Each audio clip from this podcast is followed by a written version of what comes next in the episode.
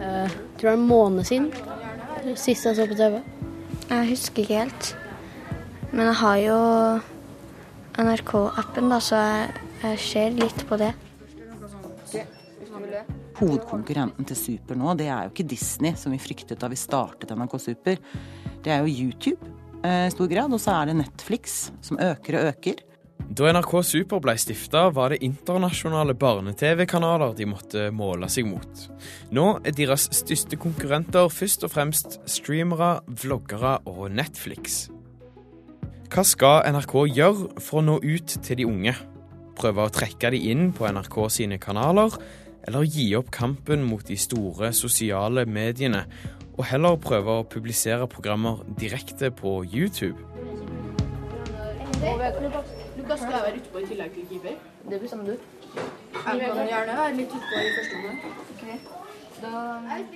På Eberg skole gjør 7. klasse seg klar for fotballkamp mot lærerne. En årlig tradisjon. I timene må mobilen være avslått og pakka ned i sekken, men når elevene kommer hjem, er den det første de tar fram. Da går jeg og finner iPaden eller telefonen og setter meg ned. Og så etter en liten stund så begynner jeg å gjøre lekser. Og så, ja, så spiser jeg, eller så drar jeg på trening eller noe. da. Tellev Lia og Ingrid Johansen sitter i biblioteket på Eberg. Jeg spør Ingrid når hun sist så på TV. Jeg ser mest på eh, telefonen min. Så det blir også det, det blir ikke så masse TV nå lenger, da. Hva er det du ser på, da? Jeg ser på Netflix, på Doctor Who. Ja, som sagt, altså Barna mine vet ikke de, de ser på TV noen ganger hos besteforeldrene sine. Jeg har to barn på sju. Eh, og da blir de innmari rett og slett forbanna på farfaren sin innimellom, for de kan, kan spole i programmet. Og det sier jo litt, altså det er sånn De bare, de mener det er vond vilje fra hans side, og det er det jo ikke. For han ser fremdeles på lineær-TV. Men der merker man jo veldig den kollisjonen, da. Hvordan brukermønstrene har endret seg eh, mellom generasjoner. Natasha Seyer jobber med å nå unge mellom 10 og 12 i NRK Super. Stadig flere av de som ser på kanalen, streamer programmene på nett, og stadig færre ser Super på vanlig TV. Tenke, tenke, tenke, tenke, tenke. Lineær-TV. Når så jeg sist på lineær-TV? Jeg har sett Jeg har jo hjemme sånn uh, Get-abonnement i borettslaget som ikke er blitt kvitt. Det var en eller annen gang, det må bli snart ett og et halvt år siden, så ringte en kollega og sa nå går det noe på TV Norge du må se. og jeg var sånn uh, ok, hvordan gjør jeg det? Og ropte mannen min har vi TV? Han sa ja, prøv HDM i kanal 4. Der hadde jeg TV, faktisk. Og da så, fikk jeg sett slutten av det programmet. Men jeg ser ikke lenger på det. I det hele tatt. Nei, jeg bruker altså ikke HDMI kanal 4 på vår skjerm hjemme. Den kanalen bruker jeg ikke. Det er der vi har TV-signalene. Jeg bruker HDMI 3, og det er der vi har Apple TV. I Medietilsynet sin undersøkelse Barn og medier 2016 svarer barn mellom 9 og 16 at de er ca. like mye på mobilen som de ser på TV. En tredjedel svarer at de streamer på f.eks. NRK nett-TV, TV2 Sumo eller Netflix hver eneste dag. Endringen fra tidligere år har ikke vært dramatisk, men retningen er tydelig. Barn bruker mer tid på nett og mobil, og litt mindre tid på tradisjonelle mediekanaler. Ja, for den kurven den flatet litt ut, og så har vi på en måte sett at allikevel så er tallene så høye, så det har ikke vært så bekymringsfullt. Vi har jo også sett at de har økt på on demand, mens de fremdeles også ser på vanlig TV. Altså totalseingen har vært ganske høy. Men nå ser vi at de eldre barna forlater TV som medium i større grad. Det går nedover ganske sakte, men sikkert, og, og, og hurtigere enn noen andre målgrupper.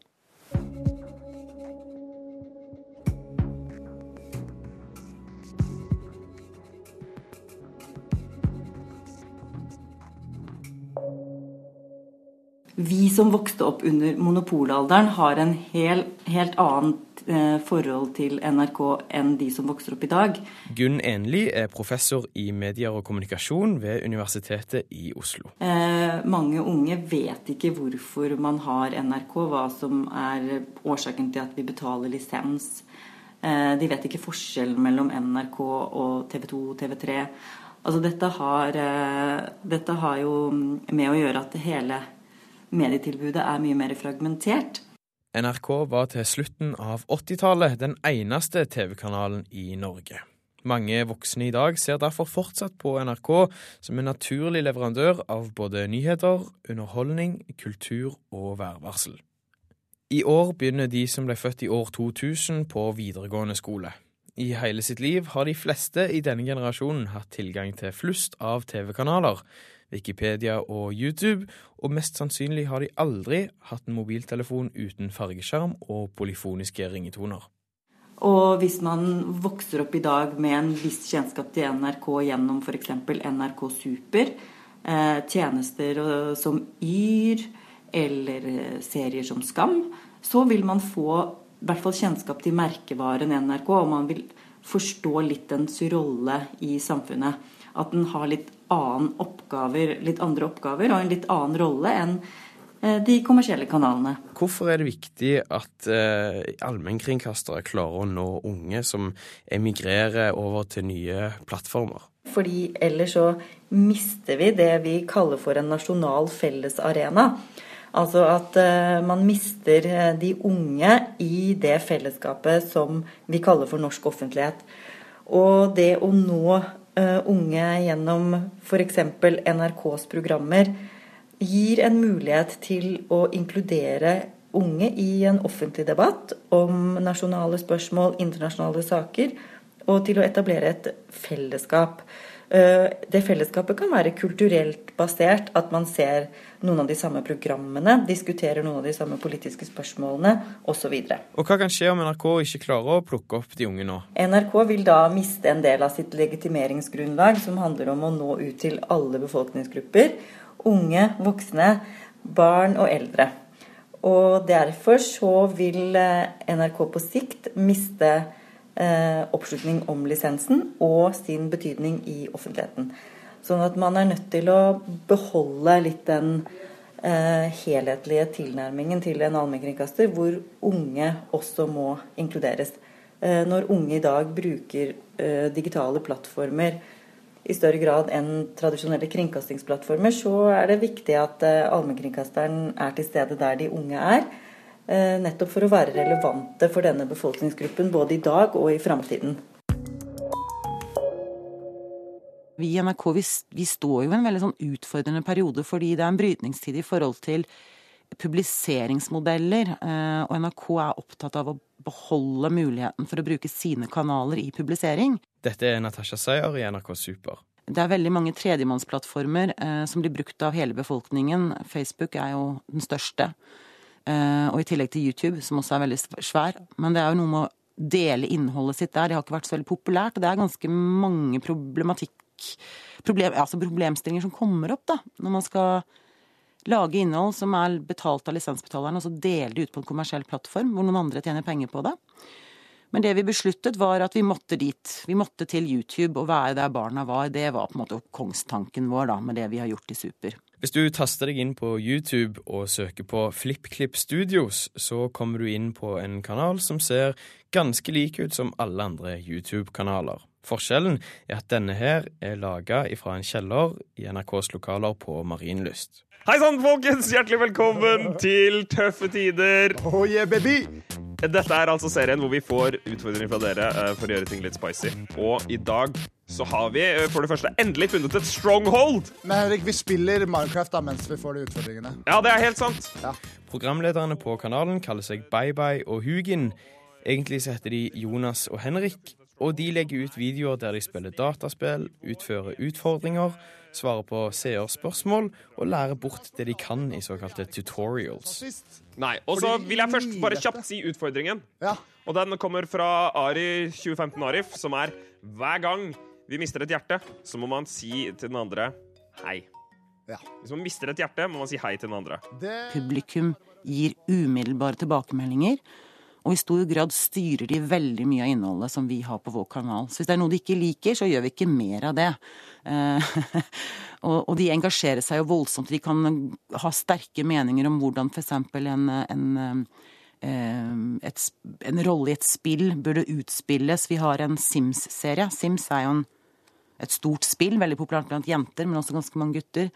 Som er et slags spill om ja, hvordan det er å sosialisere seg, bo i en by, eh, samhandle med mennesker. Kjola hopp alle sammen, og hjertelig velkommen tilbake til Oppdrag Almås. Jeg fikk akkurat en alarmerende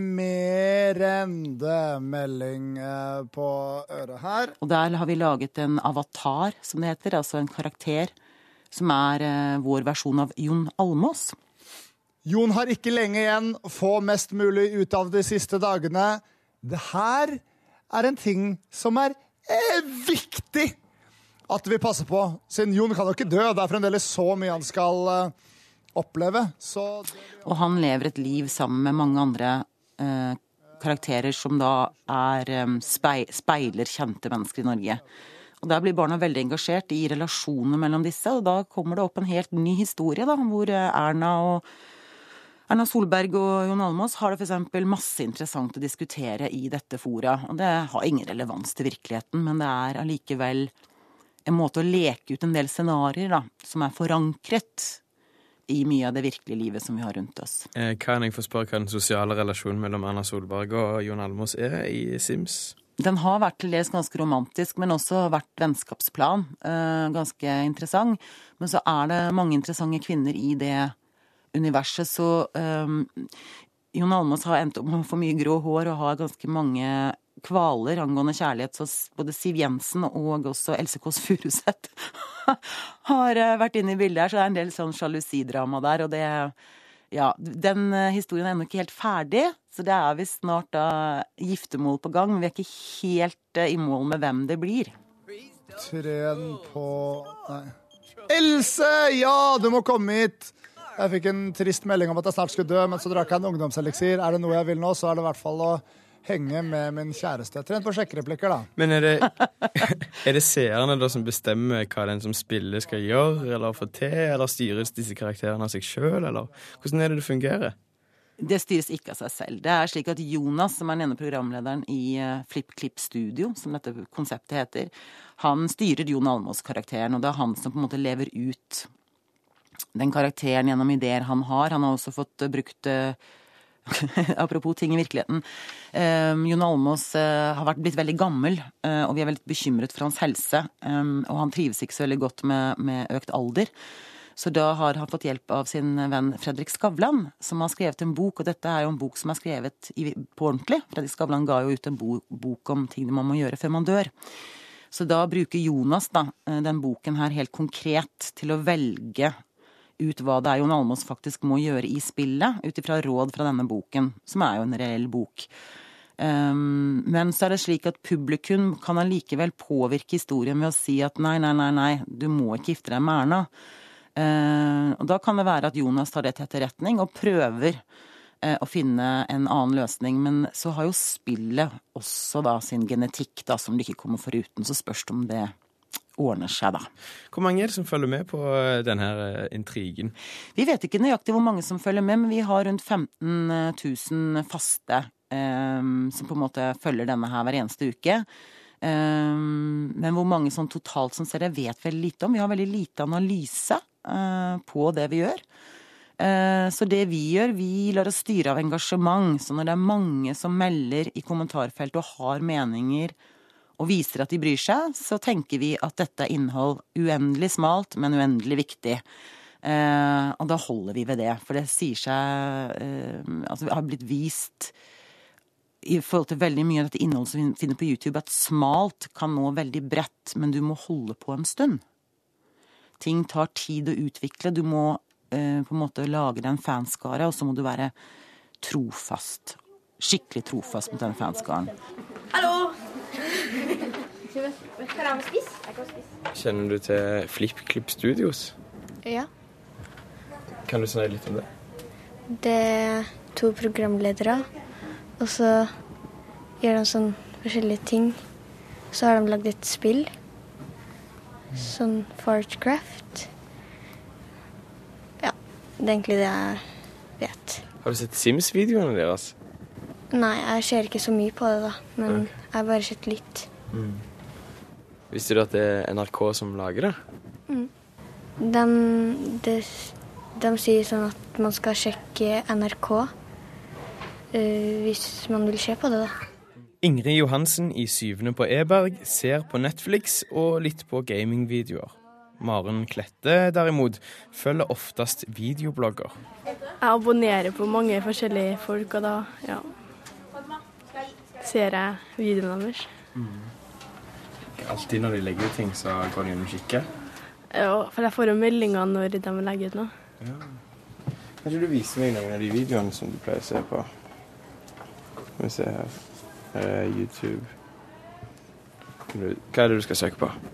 Hanna Martine. Hei dere, og hjertelig velkommen tilbake til en ny video. Um, I dag tenkte jeg å ha en Q&A, og nå har jeg egentlig surret rundt i hele dag. Hva er det som er kult med sånne videoer som det? Um, du får jo inspirasjon om hva du vil kjøpe deg sjøl, og ja Hvilke butikker som er fine hvis du skal i utlandet, og som den videoen der. Sikkert mange av dere ser, så har jeg ikke på meg så veldig mye sminke i dag. Jeg har siden onsdag forrige uke droppa ut sminke, eller sminke generelt. Jeg har ikke hatt meg en dritt. Jeg har ikke hatt meg en concealer på de to. Anne Martine er 16. Hun lager videoer der hun prater om sminkeprodukter, reising og av og til viktige samfunnsspørsmål. Både hun og NRK FlippKlipp Studios har rundt 40 000 faste følgere i form av abonnenter på YouTube-kanalene sine. Til sammenligning har noen av de største norske youtuberne, Prebz og Dennis, gått over 100 000 følgere.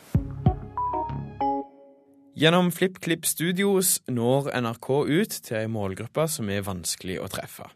Samtidig så må de ta i bruk tredjepartsplattformen YouTube for å få det til. Hva er de negative sidene ved det, og er det verdt det når NRK faktisk har bevist at de kan lage serier som treffer unge, uten å legge ut episodene på YouTube eller Facebook? Noen ganger på fest kliner vi med hverandre. Vi er heldige fordi vi respekterer hverandre. Vi stoler på hverandre. 110 Skam, som har tenåringer som målgruppe, og serien Jenter, som nådde et yngre publikum, er begge laga spesielt for å ses på nettet. Men de har blitt publisert på NRK sine nettsider, ikke YouTube eller en annen tredjepartsplattform. Likevel har de fått gode seertall. Jeg heter Marianne Furuvold Boland, og jeg er prosjektleder, produsent for eh, nettdramaserien Skam. Hvis du kjenner igjen stemmen til Marianne, så kan det hende at du òg kjenner igjen denne melodien.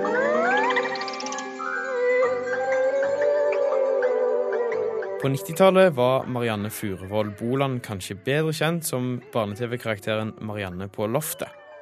Jeg spør Marianne hva som er forskjellen på å lage TV for unge før og etter smarttelefonen. Jeg tror ikke det er så stor forskjell, jeg. Jeg tror det handler om å finne en god historie.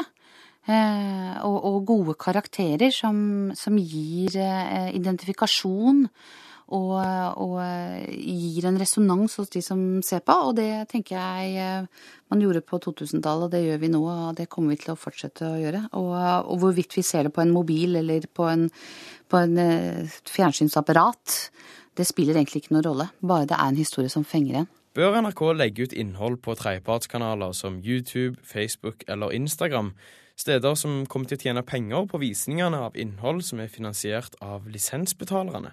Altså, det er usikkert om NRK bør ha en egen YouTube-kanal eller ikke. Men det som er sikkert, er at NRK bør være til stede på digitale plattformer og lage tjenester og tilbud som appellerer til unge. Dette er Gunn Enli igjen, professor i medier og kommunikasjon. Den nye serien Skam er jo et eksempel på at man når ut til en målgruppe som har vært tradisjonelt veldig vanskelig å nå. Hovedproblemet med å nå unge er jo at de er veldig lite lojale. Og at de eh, i mindre og mindre grad bruker tradisjonelle kringkastingsmedier. Derfor så vil eh, dette kreve en del innovasjon og eksperimentering fra allmennkringkasterens side. Og det som også er et spørsmål, er om de unge vil endre seervaner og publikumsvaner i framtiden, eller om de vil fortsette å være digitale nomader også i framtiden. Ja, flott. Jonas, eh, kan ikke du begynne med å presentere deg selv? Jo, det kan du tro. Jeg heter Jonas Kryer Hansen, og jeg er redaktør på DR Ultra, som er Danmarks Radios tilbud til de 7-12-årige børn i Danmark. Er det på TV? Altså? Er det liksom DR Ultra er det det samme som NRK Super? Ja, det er en meget god sammenligning. Altså, det vil si at vi har en uh, Flow-kanal, men uh, vi har også en app og et web-univers og et lytteunivers. Skandinavia er i en særposisjon i Europa. Den store europeiske undersøkelsen EU Kids Online slår fast at Skandinavia sammen med Nederland har de mest utforskende og aktive barna på sosiale medier. De oppsøker og prøver ut flere tjenester enn andre barn i europeiske land, men er òg mer erfarne i møte med risikoer på nett. Jonas Krüger Hansen sier at Danmarks Radio opplever at flere barn strømmer og færre ser på lineær TV. Som NRK prøver de derfor òg ut å nå folk gjennom YouTube. Men DR Ultra har ikke gått så aggressivt ut som NRK Super. Uh, vi legger innhold ut på tredjemannsplattformer fordi vi kan se at uh, det er en uh, del av vår målgruppe ute. Og, og, vi tar konsekvensen og sier at vi er der hvor målgruppen er men vi bruger det ikke som øh, hovedplatform. Det vil sige, at det indhold, som vi lægger ud på tredjemandsplatformene, også er tilgængeligt på DR's egne platforme. Øh, og det gør vi for øh, ikke å at afskære dem, som øh, måtte have et ønske om ikke at være på øh, tredjemandsplatformen, øh, misser noget. Der NRK Super har prøvd å gå etter de konseptene som allerede finnes på YouTube, har Danmarks Radio i større grad prøvd å adaptere konseptene de allerede har. For eksempel har programmet Kreakampen, der barn konkurrerer om å lage finest maleri, smykker eller legofigurer, fått en Minecraft-episode, der studio, programledere og deltakere er bytta ut med spillfigurer i en virtuell verden. Ennå vet de ikke om ungdommen har fått et forhold til allmennkringkasteren gjennom å surfe forbi på nett, eller de som digitale nomader bare klikker seg videre til neste innholdsprodusent. Hvis de kommer på denne plattformen for å oppsøke deres innhold, så kan vi jo ikke sørge for at de, uh, at de blir ved deres innhold. De uh, kan jo sagtens uh, sykle videre. Og, det er jo, det er jo utenfor vår kontroll på den måten. Det, er også derfor vi gjør oss meget umage på å bruke Øh, Snapchat og, øh, og YouTube og, og, Instagram til øh, å gi en innsikt i vores programmer, men også når vi kan, uden at det blir for forseret, pege dem inn på deres plattformer, hvor de så vil kunne få enda mer av vores produkter. Vi, vi er ennå ikke helt sikre på effekten av det, for det er liksom litt det vi eksperimenterer med. Men vi har, vi har, bestemt oss for et par ting som gjør at vi trenger litt mer tid. Fordi det vi fant ut når vi startet det var at vi snakket Vi hadde dybdeintervju med veldig, veldig, veldig mange barn. Og det de melder, spesielt de som er eldst, er at de eh, De sier uttalt at de finner ikke Super lenger relevant. At det er for barnslig. Natasha Sayer i NRK Super sier at det er for tidlig å konkludere med om de har lykkes med å gi unge en relasjon til NRK. Men hun er positiv til at de er på rett spor. Det er blitt veldig veldig stort engasjement i fanskaren til FlippKlipp Studio for nettopp det at vi er NRK, at det er spennende. Eh, men vi har samtidig gjort noen sånne grep som at vi forteller at vi er et slags undergrunnskonsept. At vi sitter i et lite kott nærmest i kjelleren. Eh, vi har hengt opp i gangen til NRK hvor det er masse fine skilt som sier masse rare ord ingen skjønner noe av, fordi det er sånn internkommunikasjon eh, i forhold til forflytning. Der har vi hengt opp vårt eget litt, sånn hjemmelagde skilt der hvor det står 'Her er FlippKlipp Studio'. Eh, og det som skjer ofte på omvisninger med ungdomsskoler, er jo at eh, de spør om hvor vi er. Og så hører vi da plutselig masse rabalder utenfor døren vår, og der står de. Og så kommer de inn og titter. Så de er veldig bevisst at vi er på NRK, eh, og vi håper at på den måten så føler de at dette er et slags uh, undergrunnstilbud uh, som forstår dem, men at de også på en måte på langs får da en relasjon til NRK. De vet jo at det er NRK som har laget dette til dem. Hvor lang lenge er omgangen nå?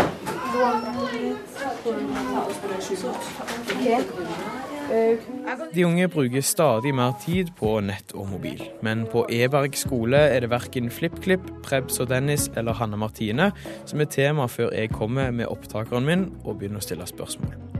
Det viktigste for elevene i dag er den tradisjonelle fotballkampen mot lærerne. Hæ? Du kan spille hvor du vil, bare Forsvaret. Forsvar. Hvem skal du være?